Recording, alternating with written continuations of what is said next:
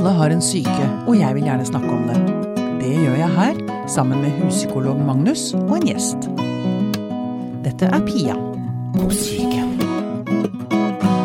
Jeg tenker, Magnus, at noe av det verste i verden må være å gå og bære på noe helt alene. Ja. Ensomheten er kanskje det verste. ja, det er det mange som vil være veldig enig med deg i. Mm. Og kanskje også eh, blir den ensomheten veldig sånn total når det er usynlig eh, hva det er man sliter med. Ja. Eh, Ensomheten blir total, ja. Ja, at du blir møtt på noe helt annet enn det du, Eh, du bærer i deg. Ja. At man Ja, akkurat det, ikke sant. Mm. Og så, heldigvis, innimellom, så kommer det folk som eh, forteller om det de sliter med, i full åpenhet. Og det har vår gjest gjort. Velkommen hit, Lars Erik Lund. Tusen takk. Ta det formelle først. Mhm. Konserndirektør for strategi og bærekraft i Veidekke. Det låter flott. Ja, det er veldig flott. du, for eh, en liten stund siden så la du ut et innlegg på Facebook mm. som begynte med ordet 'bedrøvet'. Mhm. Og det tenker jeg favnet hele innlegget ditt veldig bra, egentlig. Jeg brukte tid da, på å finne det ordet. Eh, Ja, du gjorde det, ja. Jeg måtte til og med forklare hva det betød for mine barn. Ah, for det er kanskje litt sånn gammeldags ord, Ja, det. et, eh, det er et gammelt ord. Også. Det var helt Ja. tydelig at det bedrøv det. De skjønte de ingenting av. Så leste de resten av teksten, så forsto de hva det betød. For meg traff det veldig. Ja, det. Det, jeg kjente det veldig igjen. Jeg, det, eh, mm. Dette innlegget er så langt delt 1600 ganger. Ja, det var jeg. jeg ikke klar over. Nei, men jeg sjekka det på Mm. Facebook i sted. Og det er gjengitt i VG og i Agenda, og du har vært i God morgen Norge, intervjuet Mm. av Dagens Næringsliv, og sikkert andre som Mm. jeg ikke har fått med meg. Mm. Det smalt ganske bra, det innlegget der. Og du forteller altså, altså Jeg tror essensen i dette er at det er at du er mann, Mm. at du er sjef, og at du forteller om depresjon. Mm.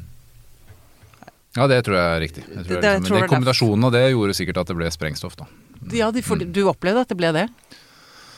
Ja, Eller fikk du, du fikk mye mer oppmerksomhet enn du venta? altså, jeg, jeg, jeg var ikke bare delt på Facebook. Jeg faktisk valgte å, jeg var så redd for at ingen skulle lese det, at jeg valgte å liksom lage en plan for hvordan jeg skulle legge det ut. Så jeg, liksom, jeg legger det på LinkedIn, jeg skal legge det på Facebook. Jeg skal sågar lage små sånne bilder på, Facebook, nei, på Instagram, sånn at de skal kunne lese det der òg. Ja. Bare for å være helt sikker på at hvert fall noen leste det. For jeg var jo redd for at dette var en så lang tekst at det var ingen som orket å lese sånne poster i det hele tatt. Ok. Eh, og så eh, la jeg til med et bilde med, og min kone sa det er det verste bildet jeg har sett da Jeg at du kan legge ut det bildet.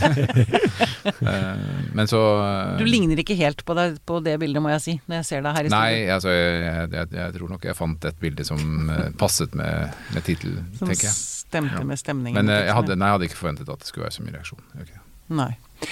Og da, først, og jeg må jo selvfølgelig spørre, hva slags reaksjoner har du fått? Jeg tror jeg vet svaret, men jeg har lyst til å spørre deg allikevel, så ikke jeg legger ord i munnen. på deg. ja, nei, altså det er, For det første så har det vært veldig mange positive kommentarer på at jeg har vært åpen. Mm. Det er jo, det, og det har vært fint, altså. Det er at, eh, at, at man ikke ble møtt med at 'herregud, ta deg en spiseskje, ta deg sammen og kom deg hjem'. Liksom. Så det var veldig fint. Men det som har vært viktigst, er vel at det er så mange som har tatt direkte kontakt og, og sagt at dette her eh, var sterkt fordi at de opplevde at det hjalp deres hverdag.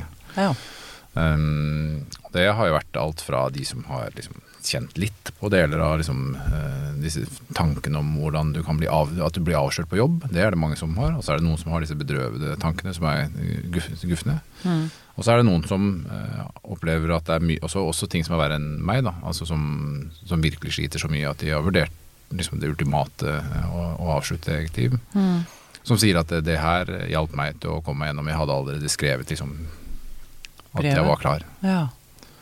Det, for en Så fantastisk en sånn, opplevelse for deg. Altså, det, I anførselstegn. Altså det, ja, men altså Å kunne bidra med noe sånt noe til medmennesker. Det, det ja, altså, være det gir liksom en mening med det, da. Mm. Det tror jeg Og det kunne vi sikkert snakket om i timevis. Det å oppleve at uh, egentlig ditt liv eller din, eh, det du sier har mening, det er viktig, det. Ja. Mm. ja.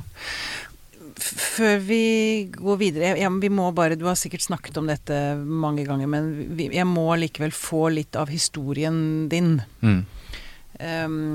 eh, Når tenkte du først at du Når merket du disse tankene, følelsene, først?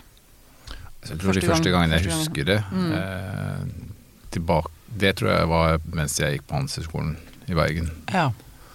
Um, og da eh, Jeg vet ikke helt hva årsaken til det og jeg, liksom, jeg tror nesten noen ganger så har jeg latt litt være å grave i det, men, men hvor jeg opplevde at jeg eh, kom inn i sånne eh, situasjoner hvor jeg syntes det var veldig vanskelig å komme ut av eh, den tristheten. Da. Jeg hadde mest lyst til å bare lukke dørene og ikke være sammen med noen, ikke snakke med noen, være borte fra noen. Mm. Så da hadde jeg vel et, altså en, en periode hjelp eh, på Handelshøyskolen. Så eh, begynte jeg på jobb, og så har Du det fikk hjelp, altså du fikk psykologhjelp? Ja, ja. mm, mm. Og så har det vært perioder, eh, periodevis, eh, av og på. Noen ganger litt mer, noen ganger litt mindre. Og så er det jevnt over blitt eh, eh, sånn, nesten som en slags hverdag. ja. Um, så jeg måtte beskrive det for min sønn, så, så, så lurte han på hvordan det var. da Altså Hvordan er det liksom å våkne og være lei seg hver morgen. Så sa jeg da at det er liksom, det er, hvis du har mareritt, og så våkner om morgenen og kjenner at hjertet liksom dunker, og så våkner du opp og tenker åh gud, det var deilig, jeg er ferdig med det marerittet. Mm, Men mm. den følelsen, den er der alltid. Så det er, det er sånn jeg, jeg føler det.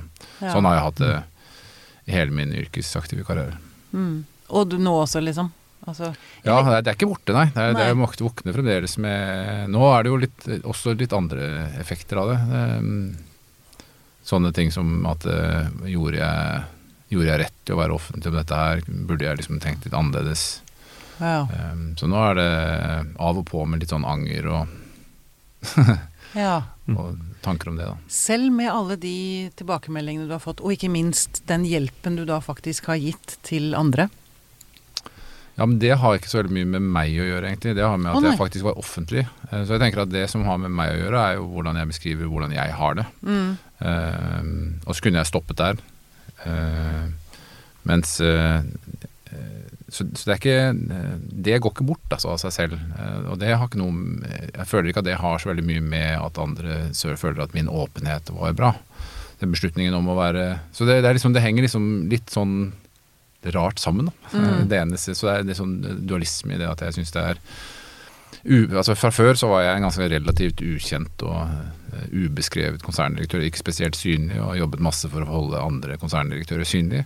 Eh, og nå er jeg fremdeles en relativt usynlig eh, konserndirektør, men da med en mental lidelse. Så det er liksom Jeg vet ikke om det er et steg opp i verden, eller om det er på samme sted. Da. Nei, det kan man. Jeg starta jo Mm, podkasten fordi jeg fikk en eh, diagnose. Ja.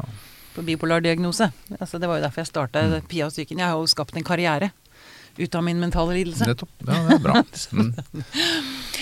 Øh, Sånn alt i alt, dette med åpenhet, det er jo noe Altså, vi snakker mye om det.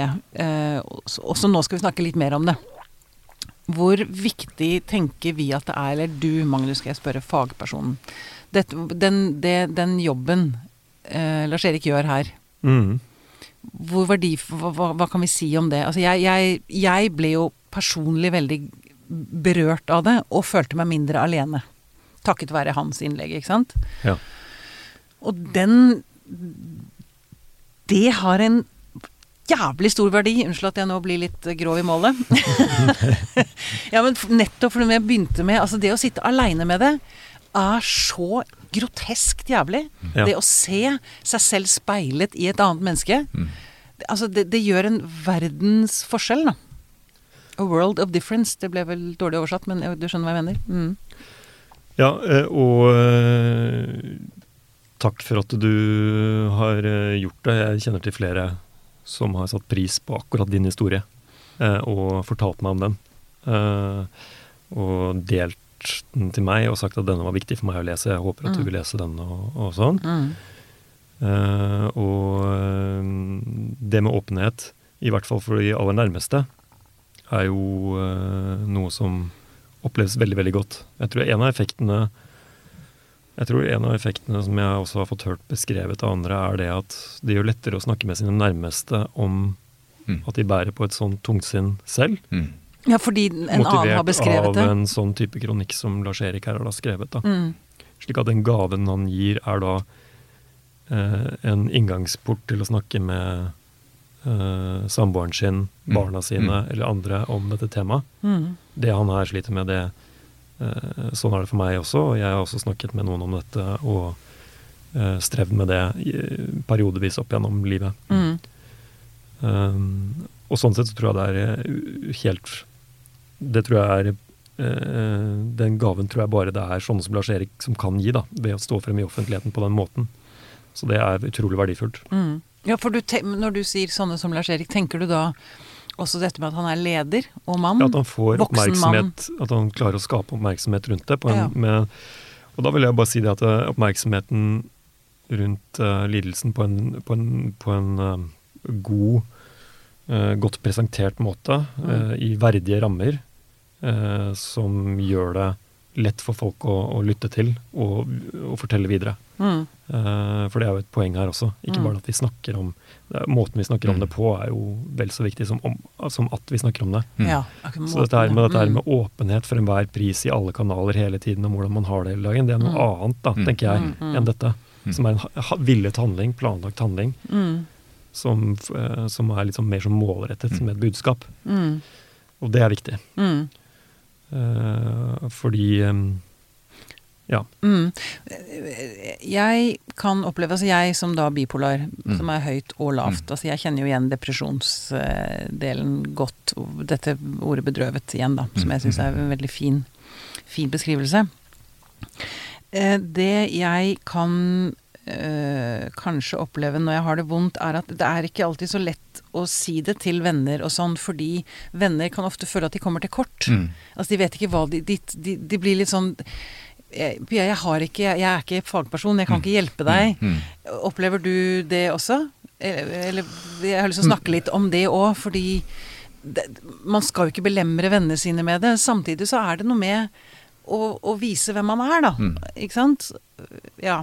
Ja, jeg skjønner hva du mener. Jeg tror Mm. jeg, ja, selv bare i, i bilen hjem fra, fra Hallingdal da, i dag, så, eh, så eh, hadde jeg en samtale om akkurat det. eh, Hvor, hvor det ble referert til at det, liksom, det er noen som er sånn rett på og tenker at dette her er kjempebra, Lars Erik. eh, Superbra, setter veldig pris på det. Mm. Og så er det noen som er sånn dette tør jeg ikke å snakke om i det hele tatt, uh, midten. Og så har du de mange imellom da, som er hvordan skal jeg egentlig håndtere dette. Og jeg tenker at det er jo et ansvar som vi som Altså, det å være offentlig og, og legge frem. Jeg skal ærlig innrømme at jeg tenkte ikke så veldig mye på hva andre tenkte på når jeg la det frem. Eh, altså om om, hvordan de skulle agere mot meg. Jeg var redd for at de skulle begynne å liksom være annerledes eh, i alt av jobb og sånne ting. Nei, Lars må liksom få litt ro og fred, og la oss lukke døren til kontoret, sånn at liksom man ikke snakker med Ikke snakk så Ikke høyt. Ikke bruk mm. Men jeg, for min del så var det liksom sånn eh, Offentliggjort, nå, nå har jeg lagt det ferdig. Nå Ja. vet dere at det er sånn jeg er. ja. Vi trenger ikke å snakke så veldig mye mer om det, egentlig. Ehm, og så er det den andre delen av det jeg er mer eh, opptatt av, hvordan vi skal ha arbeidsplasser som faktisk kan,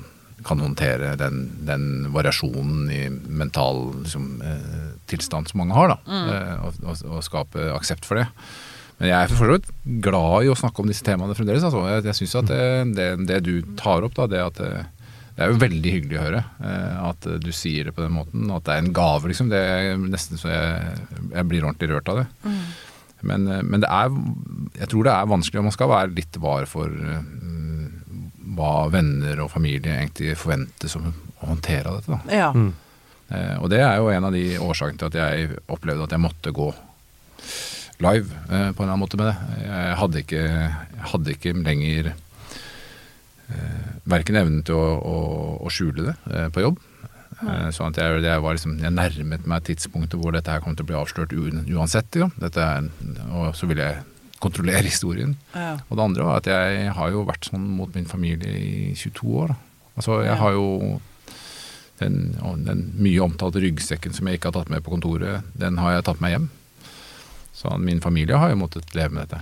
Mm. De nærmeste Men det betyr at ingen av dine kollegaer eller venner egentlig visste om dette før du gikk live nå? Ingen er, er nok, er Ja, ja, nok å men- dra langt, men de, Mm, mm. de nærmeste konfidentene altså de som jeg har veldig tett på, de har jeg nok fortalt om at jeg i dag nå sliter jeg, eller sånn har jeg Mm. det. Men, men ja, det var nok overraskende for mange på jobb, ja. Mm, mm. Jeg har lyst til å, jeg å si, dissekere begrepet depresjon lite grann. Fordi det favner jo egentlig veldig, veldig mye, og det misbrukes også en del. Ikke sant? Jeg er deppa i dag, eh, uten at man nødvendigvis har en diagnose. Fordi jeg bare tenker, som jeg har sagt, at bedrøvet treffer meg veldig godt. Men øh, jeg kan oppleve at det er altfor mange veldig sterke, vonde følelser i meg. Mens andre sier at alt er bare helt grått og flatt. Mm. Um, at de ikke føler noen ting. Uh, noen sover masse, noen sover altfor lite, noen spiser for mye. Altså, ja. Kan vi sortere litt i, i dette, Magnus, først? Ja. Uh, ja. Ja, depresjonens mange ansikter og utforminger. Mm. Altså, eh, det, vi, eh, det vi kaller depresjon i dag, har jo vært med oss så, Av det vi vet om depresjonens historie, så har det vært med oss alltid. At Ja. mennesker har blitt eh, deprimerte. Så det har ikke med vår tid å gjøre. Eh, Med sosiale medier og sånn. Altså Endringer i forekomst og sånn, det tror jeg vi eh, skal ta på alvor når det gjelder hva det er som driver eh, trykket av depresjon i samfunnet. Mm. Så tror jeg det kan påvirkes, eh, eller så påvirkes det nok av eh, strømninger i samfunnet og hvordan vi lever vårt liv. Helt klart. Mm. Men som fenomen, altså det med det at eh, depresjon er, ligger til eh, det å være menneske, og har vært også for, eh, eh, forholdsvis vanlig Mm. siden eh, antikkens tidlige beskrivelser av det. Mm. Det er helt klart. Og også ulike typer depresjon, som vi ser i dag òg. For de beskriver noe om at depresjon kan arte seg på ulike måter. Og det er det tusenvis av år gamle beskrivelser som beskriver disse samme måtene å være deprimert på, som Mm. vi ser i dag. Mm. Mm. Så har det vært eh, trender i tiden, f.eks. under den industrielle revolusjon, så tenkte man at agitert depresjon, eller sånn eh, rastløs, irritabel depresjon, at det var noe nytt. Det var en reaksjon på den, eh, På industrialiseringen. industrialiseringen. Mm. Og det er en litt historieløs måte å tenke at tiden gjør dette med oss, fordi man kunne se at det var da en som het Aritavus av Kappadokia, som hadde beskrevet dette fenomenet for 2000 år siden Ja. eh, på ganske lik måte, som eh, tyder på at dette her er, har vært med oss hele tiden. Mm. Eh, det betyr ikke at det er løsrevet fra tiden vi lever i, men det er også noe som vi har med oss, som er den tilhørende menneskelige tilstand. Mm. Eh, og så mange som én av fem uh, opplever å bli deprimert i løpet av livet. Altså, Og, og har det tallet vært konstant gjennom alle tider? Vet man det vet man ikke, ikke, for de epidemiologiske undersøkelsene som kartlegger dette her, de, er jo, de strekker seg ikke så langt tilbake i tid. Men Nei. fra USA, da, hvor de har gjort de store, hvor de har et stort folketall og har gjort relativt gode undersøkelser, så ser de i løpet av levetiden så er det ca. én av fem som møter Mm. kriteriene for en depresjon. Mm. På et, hvert tid, på et gitt tidspunkt, så hvis man tar et sånt tverrsnitt av befolkningen, så er 5% deprimerte til enhver tid. Mm.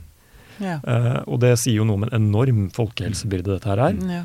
Og så kan man også tenke seg at 20% er, fyller kriteriene for en depressiv episode av livet. Da, hvis vi mykner, oppmykner litt på de depressive kriteriene, da, så kan vi tenke oss at det er enda flere enn 20% som har vært innom noe som kan minne om en depresjon. Mm. Mm. Eh, så hvis man ikke skal liksom tenke på det så veldig blindt kategorisk, Mm. Så er jo dette her eh, ja. Ja. Hmm. ja. Um, Og utformingen er veldig ulik, ja. Ja. For ikke sant, jeg tenker jo jeg, Da jeg sa sosiale medier, så så jeg du, du, Mhm. du Det skjedde noe med hånda di, det var Mhm. noe som traff deg der. og så Nå famler jeg litt, men du snakket også om at det begynte på Handelshøyskolen Mm. På NHH. da hadde de ikke internett engang. da. Da var det ikke internett. Nei, nei, men jeg, jeg kan tenke innimellom at jeg skulle ønske innimellom at noen kunne løfte meg ut av dette eh, dette kravet om å være noen. Mm, Ikke sant? Jeg mm. drømmer om en eller annen sånn tilstand, sånn utopisk, jeg skjønner det, på landet med noen griser og sauer og noe Ikke sant? Altså ingen som skal måle meg mot noen som helst. Fordi for meg så handler det veldig mye om å, føle seg At jeg ikke føler meg god nok. Mm. Og så vet jeg ikke helt hvem i forhold til engang. Men det er bare en sånn generell følelse av å Mm. ikke være god nok. Ikke være verdifull nok. Kjenner du igjen det? Ja ja, det er jo det er jo det du- Ja, det jo, jeg, ble spurt, jeg ble spurt av han ene fotografen til NRK som spurte Han, han, han var til og med inne i garderoben, så sa han ja, men ser du ikke, Lars Erik, at liksom du er jo en topptrent 50-åring som liksom er glad i sykkel, ser ikke så gæren ut heller, liksom. Så er det sånn, men jeg ser jo ikke det. Nei. Det er sånn som jeg, jeg Jeg varierer mellom mislike og forakte liksom, den personen som er i speilet. Ja, samme her. Mm, Eh, kjenner jeg det. Så, så når jeg nevnte sosiale medier, så mener jeg at det- det er jo Jeg syns jo, og vi synes at det er trekk i samfunnet som, som bærer mot at vi i hvert fall ikke håndterer depresjon på en riktig måte. Det, at vi sannsynligvis ikke har et så godt apparat til å håndtere det. Vi ser i Storbritannia at dette er i ferd med å bli en ordentlig epidemi, blant Mm. med veldig veldig høye selvmordstall blant unge menn. da. Um, så, så, så, og jeg tror, at, jeg tror på en eller annen måte altså jeg, jeg var veldig glad altså når du sier at du drar på land og, og, og steller grisene, så var jeg litt sånn ok, pandemien kom, vi lukker ned samfunnet. Jeg bare yes, endelig! Jeg slipper å møte mennesker. Liksom, jeg kan liksom bo hjemme sammen med min familie. Vi tente i peisen og så på påskekrim omtrent. Og så gikk det en periode hvor du skjønner at ok, men det fjerner jo ikke mine tanker om hva det jeg gjør hele tiden. Da. Det som er å analysere hva er det andre syns om meg. Sånn som jeg gjør nå, da. Mm. Jeg, jeg bruker jo alle sansene mine på å vurdere om, om Magnus vurderer meg og tenker at kanskje han ikke har så alvorlig depresjon allikevel. Så- så jeg bruker jo masse tankekraft på å liksom gjøre alle andres vurderinger. Å gud, jeg kjenner det så godt igjen. Så når vi legger frem ting på sosiale medier, så, så er det jeg, jeg kjenner i hvert fall ingen da, som legger frem Instagram-kontoen sin og tenker at nå skal jeg vise all den driten jeg lever i. De legger frem en, en, en fasett av seg selv som er veldig tydelig, og så møtes det med, med min oppfattelse av hele meg. Ikke sant? Jeg oppfatter meg selv med da enten mislike eller forakt. Med en, mot en, en, en Instagram-konto som viser turer til Lofoten med lykkelige barn og kaster løv i været og alt er liksom happy. Og så er det, tenker ikke jeg på at det er en person på andre siden som sannsynligvis bare viser sin fasett til meg. Da. Så jeg tror vi, vi i prinsippet lager sånne ideelle eh, fasetter som klinker imot hverandre hele tiden, uten at vi eventuelt har substans bak. Da. Og det er det jeg tror kanskje at eh, dette samfunnet med sosiale medier er at eh, vi og spesielt i pandemien så ble det sånn at vi, vi ble trukket fra hverandre i form av mindre kontakt eh, face to face. Eh, informasjon ble sendt på e-post i form av at du fikk en upersonlig e-post. Eh, visste ikke om det var smil eller hva slags liksom, reaksjon det var. Eller du sendte av gårde en e-post og fikk ikke svar, og så ble du enda mer livredd for at ok, har jeg sagt noe galt? Som har jeg gjort noe galt? Alt dette her var sånn at jeg syntes det var vanskelig. da. Ja. Så jeg, jeg, jeg, altså jeg, kan, jeg kan jo ikke noe om historien til depresjon, men jeg opplever i hvert fall at jeg syns det var vanskeligere å håndtere det i en situasjon der vi var lengre fra hverandre og mer digitale. Ja. Mm. For det er klart at det å sitte med sine egne tanker, Mm. når de tankene i utgangspunktet er negative det er, ikke, det er ikke oppskriften på lykke, det. Nei, det, og det der misforholdet mellom hvordan vi egentlig har det inni oss selv, og den verden vi viser andre gjennom sosiale medier, og det Mm. vi også ser av andre sosiale det, den, det kontinuerlige gapet da, Mm. mellom det, det ekte og det som vises frem, Mm. eh, det tror jeg er en eh, smerte som eh, legges på, som vi, vi legger på hverandre, Mm. og som eh, driver også litt den derre mm, at folk vil jo oppleve som det å ha en samtale om noe ekte, noe som betyr noe, noe som er, har en dypere mening, Mm. som noe som kan knytte seg til mer ekte følelser på innsiden, da. Som man ikke, som man ikke, som man ikke klarer å øh, kommunisere i disse mediene. Mm. Det er sikkert derfor den, øh, den øh, Facebook-posten, Instagram Nei, ikke Instagram, vel, var det kanskje? Jo, det var der- det var der og LinkedIn eneste, jeg jeg ikke får til, det er sånn eh, Snapchat, kanskje? Snapchat, TikTok og WhatsApp. Det er, Du kan, lage en sånn, du kan sikkert lage en TikTok-dans av der også. Ja.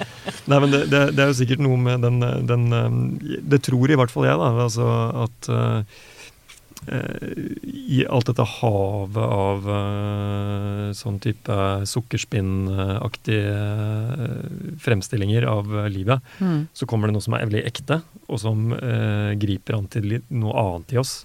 Mm. Følelser vi kan kjenne igjen i. Utilstrekkelighet, tilkortkommenhet. Mm. Det å føle seg vurdert av andre, være usikker på hvordan man Mm. eh, oppleves av andre, Mm. Mm. eh, er temaer som egentlig vi, vil, vi, vi savner å snakke om, Mm. og som er viktige å få satt ord på. Ja. Det tror jeg eh, eh, forklarer noen av de delingene, og Ja. noe av problemet med sosiale medier for øvrig. Mm. Mm. Eh, Du sa noe i sted, Lars Erik, om at du, du mm, mener at vi, vi, griper dette med depresjon, eller kanskje mentale lidelser, litt feil an. Du sa noe om det at, altså at eh, Bør det Altså, hva tenker vi at bør gjøres um, med depresjoner, f.eks., da, på arbeidsplasser? Altså, hva, hva, hva, hva håper du at dette nå fører til hos f.eks. Veidekke, hvor du jobber?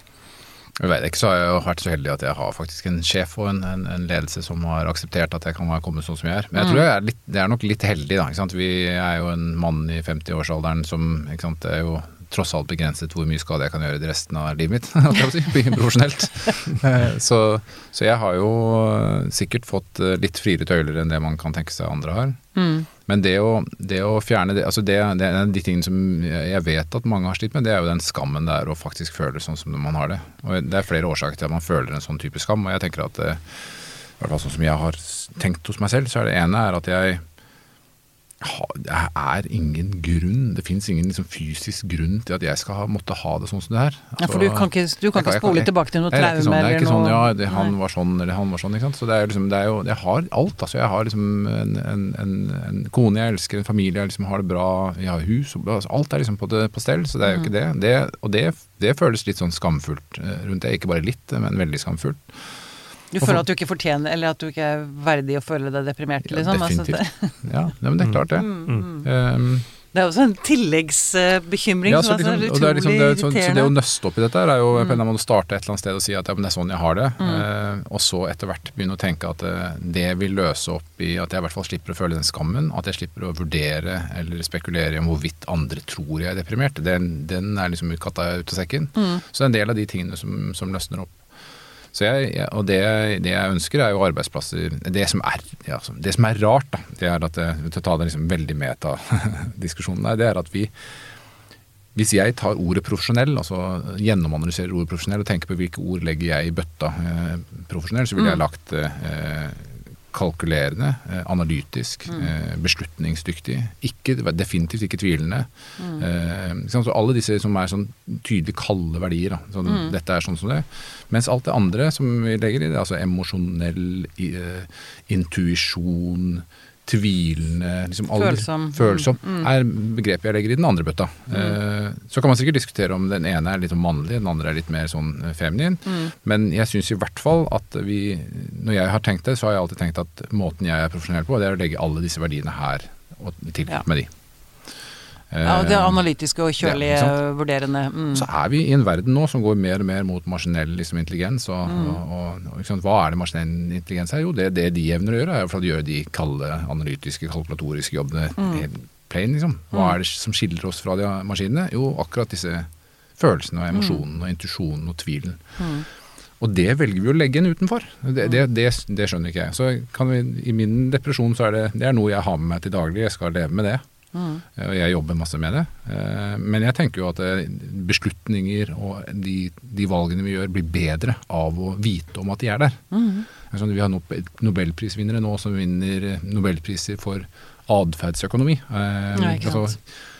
eh, altså når Thaler eller Kanemann og andre snakker om at det finnes to ulike typer beslutningsmodeller og alle disse tingene, så, så alle nikker ja, kjempebra, det er veldig bra.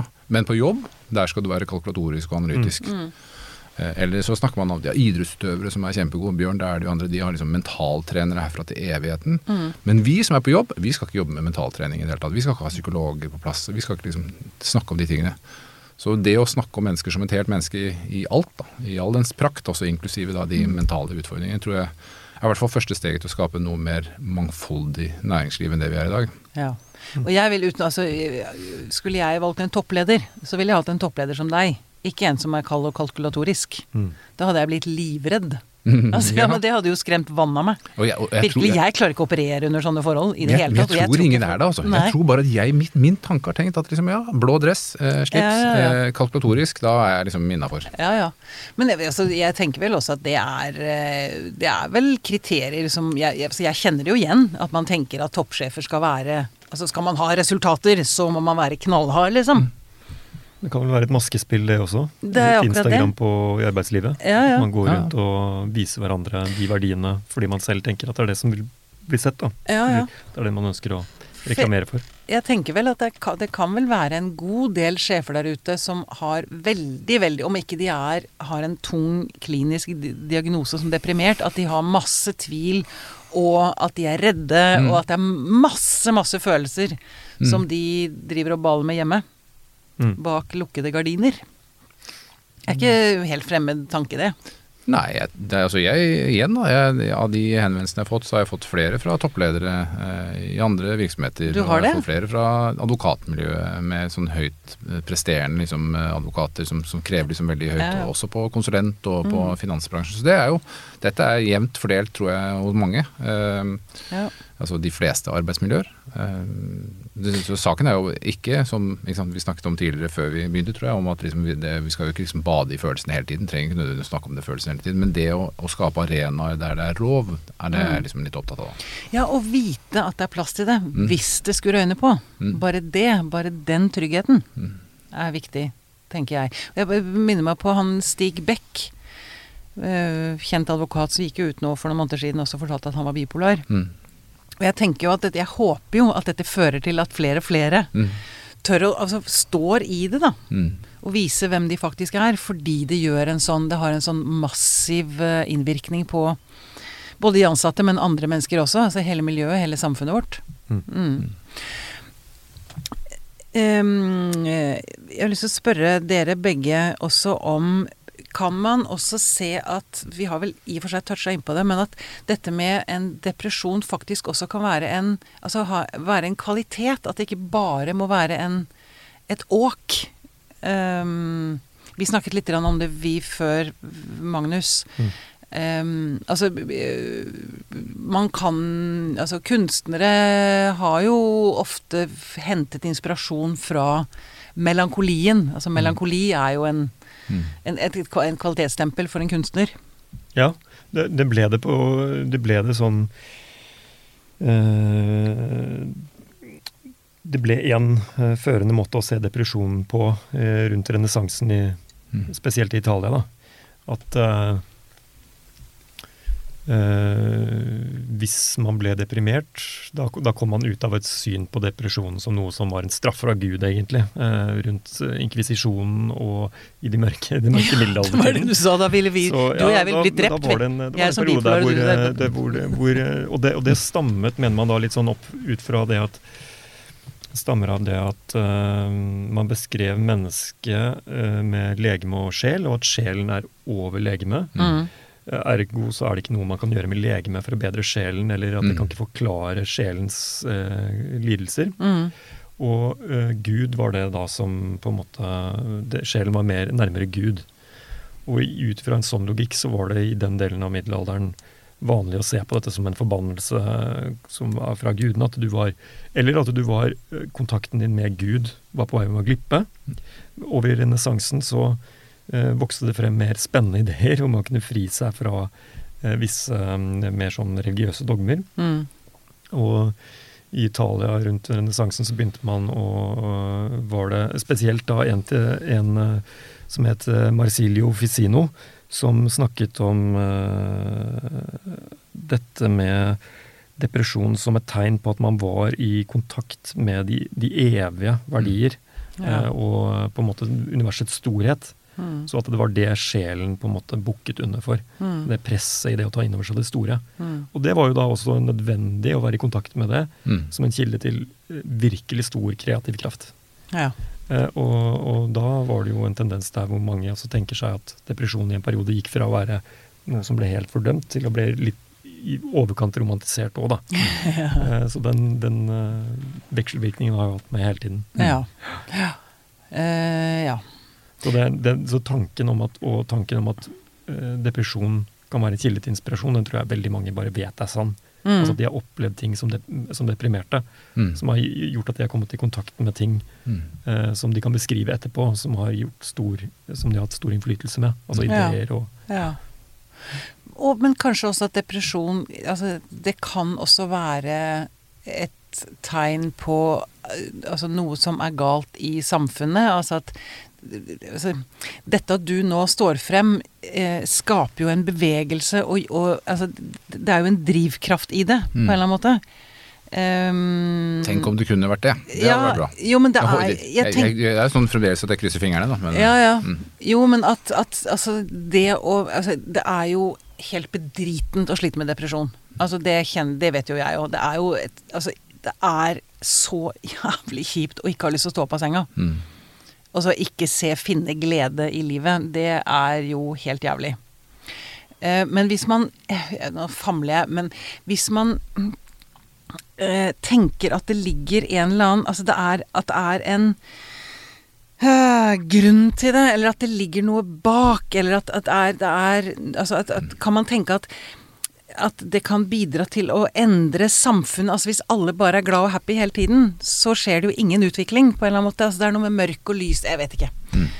Nå Ja, det, jeg at jeg Nei, jeg syns ikke du famler. Jeg syns det er eh, Dette her Det er ikke noe klart spørsmål i det, men det er Nei, men det trenger ikke å være et klart spørsmål heller. Det er jo Jeg, jeg, altså jeg, jeg har jo eh, sikkert engulfed eh, alle bøker i hele verden som dreier seg om liksom populær Sånn typisk sånn flyplasslitteratur. Ja. Altså, jeg elsker de der hyllene på flyplassen hvor det Sånn- er ledelsesteori og sånn Ja, ja, ja, ja, ja. Mm. Og plukker opp liksom bøker. Ja, her er en bok om depresjon. Her er en ny, liksom, kan jeg lese noen av disse tingene. Så det er klart at det, det er jo i min, i min eh, Jeg lager mine egne forklaringer på hvorfor det er sånn. Jeg, jeg tenker at ja, nei, selvfølgelig liksom, vi har hatt byråkratisering og liksom, industrialiseringen har gjort at man er eh, mindre personlig knyttet til det arbeidslivet du har. Meningen med jobben mistes. ikke sant? Det er jo jeg, Vi har jo lest disse gallup-undersøkelsene verden har med at hva er det? Sant? Det er 15 som er engasjert i jobb, og så er det liksom resten er uengasjert, eller aktivt uengasjert på jobb. Ja? Det, og- Fordi de rett og slett utfører meningsløse jobber. Det er jo ja, mange av Fordi du liksom ikke knyttes mot, og så, også er det Eller om det er Så, så det, er, det er mange av disse elementene som jeg tror kanskje er relevant å diskutere, i hvert fall. Eh, Og selv om det kanskje ikke er sant, eller kanskje det ikke liksom faktisk medfører riktig, så tror jeg i hvert fall i min verden så er det, så er det godt å få diskutert de og sett, sett på det. Jeg har vel sagt i et eller annet intervju at jeg, eh, hvis jeg fikk en pille, liksom, ville du tatt en pille for å bli kvitt depresjonen din? Mm. Eh, og da hadde jeg, jeg tror nok jeg hadde vært litt usikker på hva som var på andre siden. Ja, det. Og det som, er, det som, er, det som, det som jeg syns er, er liksom paradoksalt, er at jeg kan våkne opp på lørdag det innimellom, og jeg føler meg glad. Og så tenker jeg dette er for godt til å være sant. Altså, det, det. dette, det tar nok ikke mer enn et par timer, så er dette her tilbake igjen sånn som det skal være. Dette, dette, Ja. dette må være noe annet. Og så, som om du har våknet opp av en god drøm, liksom. Og liksom du bare Nei, det var selvfølgelig det var ikke sånn. Ja, for, men for det har jeg også lurt på med meg selv at jeg, jeg, eh, det, det, jeg kjenner igjen Hvis jeg ikke har dette, hva har jeg da? Mhm. Hvem er jeg Mm. da? Hvis jeg ikke skal ha disse vonde tankene og følelsene, skal jeg bare gå rundt og være lett, da? Hæ? Skjønner, jeg skjønner ikke bæret, da skjønner jeg ingenting. Mhm. For det kan vel også bli en identitet man egentlig forelsker seg litt i? Så nå ser jeg bort på huspsykologen. Og du beskriver vel at det er det, egentlig? For din del. Så jeg har ikke noen Jeg gjør jo det. måte å protestere Men at på. det på, det men Det, er- egentlig- det, er- det er gjenkjennelig. Ja. At det er lettere for meg egentlig å være eh, deprimert, for da, da det, er en, det er kanskje en flukt i det. Jeg vet ikke. Mm. At jeg, da slipper jeg på en eller annen måte å forholde meg til eh, Ja, det, den er, merker jeg at jeg blir litt slått i bakhuet av min egen tanke her. Nei, men har, det, det som jeg har vært, noen gang vært redd for altså i, i møte med, med, med psykolog, det har jo vært at eh, man kommer inn i et rom og skal bli vurdert, eh, og du forteller om dine egne følelser og hvordan du har det. Og så sitter jeg bare egentlig og venter på at de skal si at eh, nei, da er timen over. Egentlig så er du helt normalt, det er sånn du skal ha det. Mm. Og det hadde, det hadde jo vært en ordentlig frykt. Det hadde vært, så det, man, det min verden har gjort, da, det er at jeg legger på litt ekstra her, og så liksom så elaborerer historien. Mm. Sånn er det liksom, sånn for å liksom få det virkelig til å liksom stemme. da. Mm. Så har jeg hatt noen situasjoner hvor jeg har håndtert dette veldig riktig og kommet igjennom alle kartleggingsformer og sånne ting, og, og faktisk fått det definert. Men, men jeg syns jo det er jeg syns det er vanskelig å, å, å liksom definere akkurat det du sier. Altså, hva, når er, er jeg fornøyd med å være deprimert, eller ville jeg vært livredd hvis jeg ikke ble det? Kunne jeg tatt en medisin eller en pille da, hva hadde vært på andre siden? Er det all kreativ kraft borte? Alle de ideene og tankene jeg har om hvordan ting skal bli bedre, ville det vært forsvunnet? da? Mm. Det, nå babler jeg også, merker jeg, men Nei, det er veldig fint. Jeg er veldig glad i babbel. Jeg syns også det er undervurdert. Ja, men det, ikke sant, dette med at man skal, være, man skal være stringent, og man skal være konkret, og man skal være rasjonell, og man skal være flink. Mm. Veldig, veldig, veldig lei av å være flink. Kjenner jeg, eller jeg, jeg blir veldig redd når jeg skal prøve å være flink. Når 20 rammes av depresjon i løpet av livet, da, hvis vi Mm. bare går venter tilbake til de tallene, så tenker jeg jo at det er jo en tilstand som åpenbart øver en eller annen innflytelse på hele samfunn. Mm. At mennesker er i kontakt med denne, Mm. denne tilstanden. Uh, og det at uh, uh, Og nå skal ikke dette være noen sånn historietime, jeg er ikke sånn spesielt interessert nødvendigvis bare i depresjonshistorie, men akkurat på, i denne samtalen så tenker jeg jo at det er et poeng rett og slett bare fordi eh, at eh, det er ikke sikkert depresjon er noe vi holder på å jobbe, jobbe med å bli kvitt. Altså Det er eh, antagelig noe som vi har med oss som en del av det å være menneske. Mm. Eh, og så jobber vi jo mot selvfølgelig å behandle eh, depressive episoder som Mm. folk kommer og ber om hjelp for, fordi at det er eh, en smerte som de ikke klarer å bære, og som Mm. man trenger å avhjelpe fordi at det går på bekostning av funksjon i perioder. Og der Mm. skal vi jo selvfølgelig gjøre det vi kan som samfunn for å, å bli bedre. Mm. Men så vil det nok være med oss allikevel, da. Dette um, um, depresjon som fenomen vil Mm. være med oss uansett. Så jeg tror, jeg tror egentlig ikke vi kommer til å få svar på uh, menneskeheten uten depresjon. Nei, ikke sant. Det ville vært en veldig, det er en litt merkelig ting å tenke seg, tror jeg, syns jeg, da. Men det er Mm. rart å se det der biologiske bildet hva funksjonen er. Altså Hva er funksjonen med depresjon, og i hvilken grad liksom, er det som, som biologiske liksom, dyr og, eh, hva, hva, hva, hva gjør det? Altså, hva, er, hva er funksjonen? Ja. Eh, hvis det da volder så mye smerte som det vi, Mm. vi føler i til tider, det gjør det. Mm. Mm. Mm. Mm. Så er det jo eh, ja, det er vanskelig å Ja, ikke sant? Ja. ja. Eh, Jeg leste så vidt at eh, man ser en Det er en høyere forekomst av depresjon hos kvinner enn hos menn, stemmer Ja. det? Ja. Men allikevel så er selvmordsstatistikken toppes av menn. mm. Ja. Og unge menn. To, to tredjedeler. Så hva skjuler seg bak de tallene her, egentlig? Hva, ja. Mm. Uh, og hva gjør vi med akkurat dette med altså, Igjen så er det jo fantastisk at du sitter her som mann. Og som leder, Mm. eh, og forteller om dette. Fordi jeg håper jo at det kan hjelpe andre, spesielt unge menn, for det er der det er mest høyest forekomst, er det ikke det? Av selvmord? Jo. Yngre Ja. Ja. det, er vel, det er vel den, mest, er vel den, den hyppigste, hyppigste. dødsformen, eh, altså mellom 19 og 59 eller noe. Ja, ikke sant. Ja. Um, uh, hvorfor er det sånn? Hvorfor er det Hva er det som gjør at menn holder det i Eller tar sitt eget liv oftere enn kvinner? Er det fordi de holder det inne? At de ikke forteller om det? Eh, eh, nå, eh, det her er jo eh, Man finner jo aldri ut når folk faktisk gjennomfører et selvmord, får man ikke intervjuet den personen etterpå. Det er veldig mye som, ved denne type forskning som er vanskelig, og som innebærer at det blir jo en, en blir eh, litt. Svarene blir jo litt omtrentlige og Mm. hypo- hypotetiske. Mm. Eh, og eh, med forbehold om at det er eh, ting jeg ikke helt vet her også, så er det jo i hvert fall en rådende teori at kvinner i større grad søker hjelp, Mm. eh, og de gjør det tidligere, og Ja. har en lavere terskel for å snakke om noe når det blir vanskeligere, og en mer, nat en mer naturlig omgang med andre hvor de snakker om følelser. Mm. eh, hvor dette vil bli eh, hvor det vil bli lett kortere vei til å søke hjelp. da. Mm. Mm. Og eh, dette med tap av aktelse er jo en, eh, en veldig sånn risikofaktor ved selvmord. da. Så det er klart at hvis man eh, som Man kan jo lage den Man kan jo tenke seg den historien at menn uh, bærer veldig veldig mye såret stolthet inni seg og, uh, og går uten hjelp med et større trykk over lengre tid. Mm. Mm. Fordi de er reddere for å tape ansikt. Reddere for å tape ansikt. Mm. Kanskje ikke har de samme kanalene for å liksom få, få snakket om dette her underveis mens det er en Mm. oppseiling. Mm. Og at uh, man ser jo også at menn velger mer kontante metoder for Mm. eh, å ta livet sitt. Som jo gjør at oh, ja. kvinner vil ha flere forsøk, mens menn vil ha flere vellykkede i Ak anførselstegn. akkurat. De er eh, mer brutale begrepet- mot seg selv, rett og slett. Uh, altså de er mer kontante Mm. forsøk, da. Mm.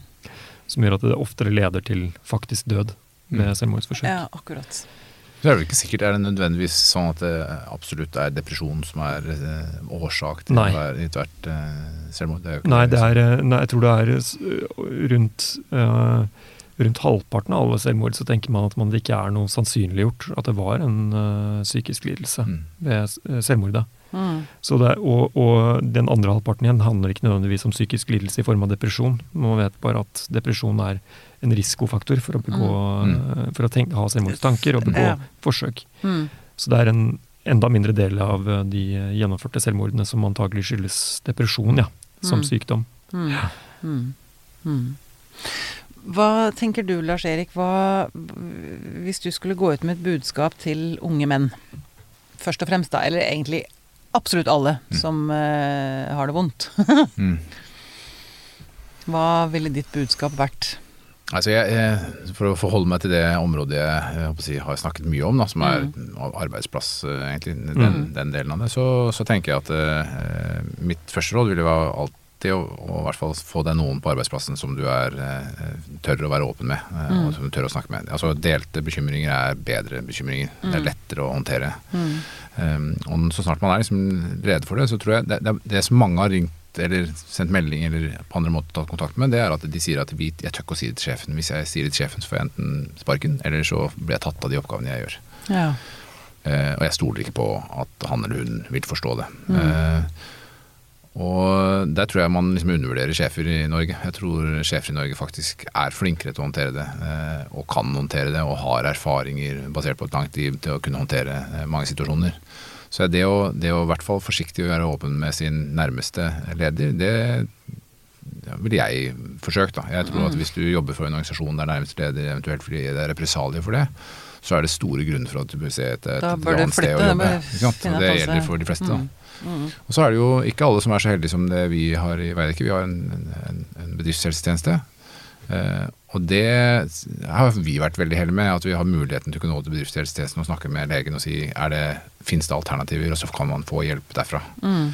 Men jeg, jeg tror det å liksom, enten liksom nærmeste eh, kollegaer, eh, det teamet du jobber sammen med, være åpen med de, eh, eventuelt være åpen med sjefen, Mm. det er tre ting som jeg ville eh, håpet at vi skaper arbeidsplasser som er. Og så vil jeg til livs disse tingene som vi tenker at eh, ledere gjør, da, som sier at å, nå skal vi være åpne om alt, vi skal involvere alle. Velkommen til dette allmøtet for 300 pers. Mm. Her er endringen. Hvis det er noen innvendinger, reis opp hånden. Altså, Ja. Hvem in their right mind vil liksom å, reise hånden og si at ja, vet du hva, eh, kjære konsertsjef, her tar du feil, ass. Ja. Så det er jo sånne settinger, det er veldig Det er fine for å presentere til mange, men det er dårlige settinger for å liksom skape en god dialog. Mm. Så, så jeg har liksom eh, jeg, jeg merker jo at jeg trekker over mer og mer mot dette, eh, denne Amy C. Edmundsen-boken som heter 'Fearless Organizations', og dette med psykologisk sikkerhet og trygghet. da. Mm. Hvordan skaper du det? Eh, Fordi det er en grunnleggende forutsetning for at team skal fungere. Det er en grunnleggende forutsetning for at bedrifter skal kunne akseptere det mangfoldet som en bedrift har. Mm. Tenk på Veidekke har 8000 mennesker, og det eneste vi sitter og snakker om, det er ja, det er bare 10% kvinner, liksom. Det er det vi snakker om mangfold. Men det er 8000 mennesker med alt fra Mm, Med folk alt, som har bipolare lidelser, til depresjoner, til kjempehappy, mislykkede ekteskap. Alle disse Mm. ulike endringene som gjør at de faktisk er ofte veldig godt i stand til å kunne gi reflekterte svar på vanskelige problemstillinger. Og da må vi liksom skape rom for det, da. Mm. Så det er ren, altså, det er jo business liksom, å sørge for at man har arenaer hvor Aha. dette her er mangfoldig nok. Da. Så, så igjen, igjen da, tilbake til snakk med den nærmeste, snakk med teamet ditt. Sørg for at du er der, og snakk med sjefen. Og hvis han, ikke, han eller hun ikke aksepterer, finn et annet sted å jobbe. Og så kan jeg høres det lett ut, jeg vet det. Men, men jeg tror at det er viktig at vi bruker en tredjedel av livet vårt på jobb. Og da må man kunne trives, altså. Ja. Og, og så unner ingen å ha sånn situasjon som jeg har hatt, som er at eh, hver, hver søndag egentlig ikke er søndag. Det brukes til forberedelse til jobb og grue seg. Mm. Eller sånn som det har blitt nå siste, er at jeg dropper å dra på tre ukers ferie. Fordi den siste uken før ferien er slutt, er så ubehagelig at jeg vil heller ha to uker hverdag før for å slippe den uka. ja. Eh, og det, det er ikke arbeidsplassens skyld, men det er, skyld, det, er min, det er min skyld at jeg ikke har kalkulert ut liksom, hva er forventningen til meg. Da. Men, jeg, men, men det er liksom ja, Så jeg, jeg tror at vi skal være inviterende som ledere. Få, inn, få inn flere syn, få inn, få, Få inn- skape arenaer for å være trygg, der du kan si det du vil uten Ja. redsel for represalier eller, eller latterliggjøring. Ja. ja, det var, jeg minner meg på en eller annen vi hadde en episode, det var Sara Abraham vi hadde, som Ja. snakket om De har gjort undersøkelser på dette på bedrifter i USA hvor jeg holdt på å si homofili var godtatt. Mm. At de ble De hadde mye høyere lønnsomhet, rett og slett fordi folk var så mye tryggere. Mm. Det er vel noe av det samme du Ja, sier. altså Altså, er man trygg? Et trygt menneske leverer mye bedre, rett og slett. Ja. Så det er god bedriftsøkonomi å Ja, å ja, gi, eh, gi rom for alle typer folk. Med alle sine rare fasetter. Så er det ja, god bedriftsøkonomi, det er ene siden, og så er det rett og slett eh, decent, altså. Det er Ja, ikke minst. Nå snakket jeg egentlig til, til sånne Nå snakket jeg til den analytiske, av- ja. analytiske topplederen som bare sitter og ser på bunnlinja. Eh, Du må ha business case på alt, vet du. Det er liksom, Ja. skal vi ha litt mer eti etiske retningslinjer, så må vi ha business case på det. Ja, ja. Nei, men jeg syns jo med denne, denne utviklingen av helsevernet i, i landet Altså dette med å ta vare på folk Én ting er at altså det er liksom det språket politikerne forstår. Det er sånn du, du sparer penger på det. Mm. Det er lønnsomt, liksom. Mm. Også selvfølgelig. Det å være decent er jo det viktigste i alt vi driver med. Og det er veldig mm, fint det poenget som du kom med, Lars Erik, med eh, Du kan forvente å bli hørt på en bedre måte enn det du frykter, hvis du Mm. går og snakker med en leder. For det Mm. tror jeg egentlig hemmer veldig mange i kontakten om disse Mm. spørsmålene. Mm. Eh, det har noe med det depressive tankesettet å gjøre også, da, at man forventer det verste. Mm. Ja. Men den, eh, det med at eh, man også en del eh, Ikke nødvendigvis å, å, å gå ut med det offentlige, men det å snakke med en som faktisk kjenner deg på arbeidsplassen, at Mm. det vil eh, i mange tilfeller være veldig bra for deg, og du vil bli møtt med større forståelse. Mm. Eh, det er et veldig godt råd. Ja. Og jeg vil vel også si det, kanskje spesielt unge mennesker, da. Og si det til en venn nå. Mm. Mm. Uh, ja. Mm. Det Si det til noen. Fordi det, det, og en, et viktig poeng der, tror jeg, når det gjelder det å være øh, vedvarende deprimert, som jeg har fått høre av flere øh, som øh, strever med depresjoner som ikke går over, hvor de er på jobb, er i kontakt med andre mennesker. Det er den der, at det er et eller annet giftig ved det at man har et tankesett der man eh, forventer å bli dømt av omgivelsene, at Mm. man dømmer seg selv veldig hardt. Og at man fungerer også dårligere eh, når man er ordentlig symptombelastet. Da, at man Mm. er rett og slett energi, tom for energi, og, Mm. og at kre, det kreative fungerer ikke helt og sånn. Og så vet ikke omgivelsene at man er i denne tilstanden, og dømmer deg egentlig som en person som er helt frisk. Mm. Så får man Ja. faktisk en del litt sånn kjipe tilbakemeldinger. Du, er du ikke med? Ja. Eh, du, hvorfor har du ikke gjort det? Mm. Og veldig mange opplever jo det som en sånn uh, dobbelt smerte. Mm. Eh, og te vet jo innerst inne selv at det ville vært veldig veldig greit om Geir eller Grete på jobben visste at jeg nå er på jobb på tross av at jeg er deprimert. Mm. Da ville jeg aldri fått den kommentaren. Mm. eh, og jeg ville aldri sittet i dette Mm. presset om å forvente eh, at jeg leverer noe jeg ikke klarer. Mm. Mm. Ja, for det er jo, det er jo sånn at den, den, de depresjonene vi har, da, de smitter jo. Altså, jeg er jo ikke, altså, når jeg går på jobb og er deprimert, så er det jo ikke sånn at jeg ikke har kontakt med mennesker. Så det er jo på lik linje som andre pandemier eller epidemier Mm, som vi liksom er mm. blitt vant til, hvor vi tar Mm. på oss munnbind og vasker hendene og sånne ting, så er det jo liksom denne depresjonen smitter jo. Ja. Um, og det smitter på medarbeidere som ikke vet helt hva slags reaksjon de kan forvente på samme type arbeid en Mm. dag fra en til en annen. Så kan jeg variere mellom å være veldig happy til å bli veldig sint. Ja. Og, hvis de da, og det blir jo vanskelig å liksom håndtere, det, og det Mm. smitter jo over på en større grad av usikkerhet hos mine medarbeidere, som tar det videre på sine eh, kollegaer igjen. Så, så jeg tenker at det, i hvert fall sånn som i min verden, da, det å være åpen om det gjør jo også at eh, både mine barn, eh, min familie og min arbeidsplass vet hva de skal møte, og vet Mm. hva som kan møte dem. Hva er årsaken til at du reagerer på den måten, Lars Erik? Er det sånn fordi at du er deprimert i dag, eller er det fordi at du liksom er det rett og slett et dårlig stykke arbeid? ja. Eh, og det gjør det lettere for meg å kommunisere om det. Mm. Ikke sant. Veldig bra. Er det noe noen av dere har lyst til å føye til på slutten her? Noe vi ikke har berørt nok, eller noe dere har lyst til å understreke?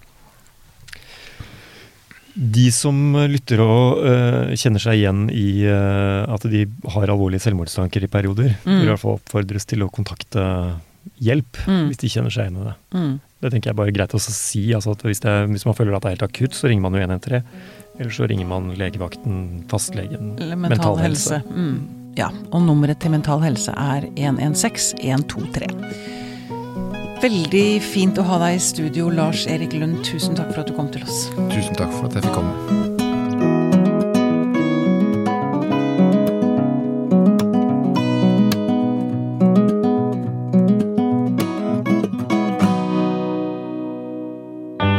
Denne podkasten er produsert av Tid og lyst.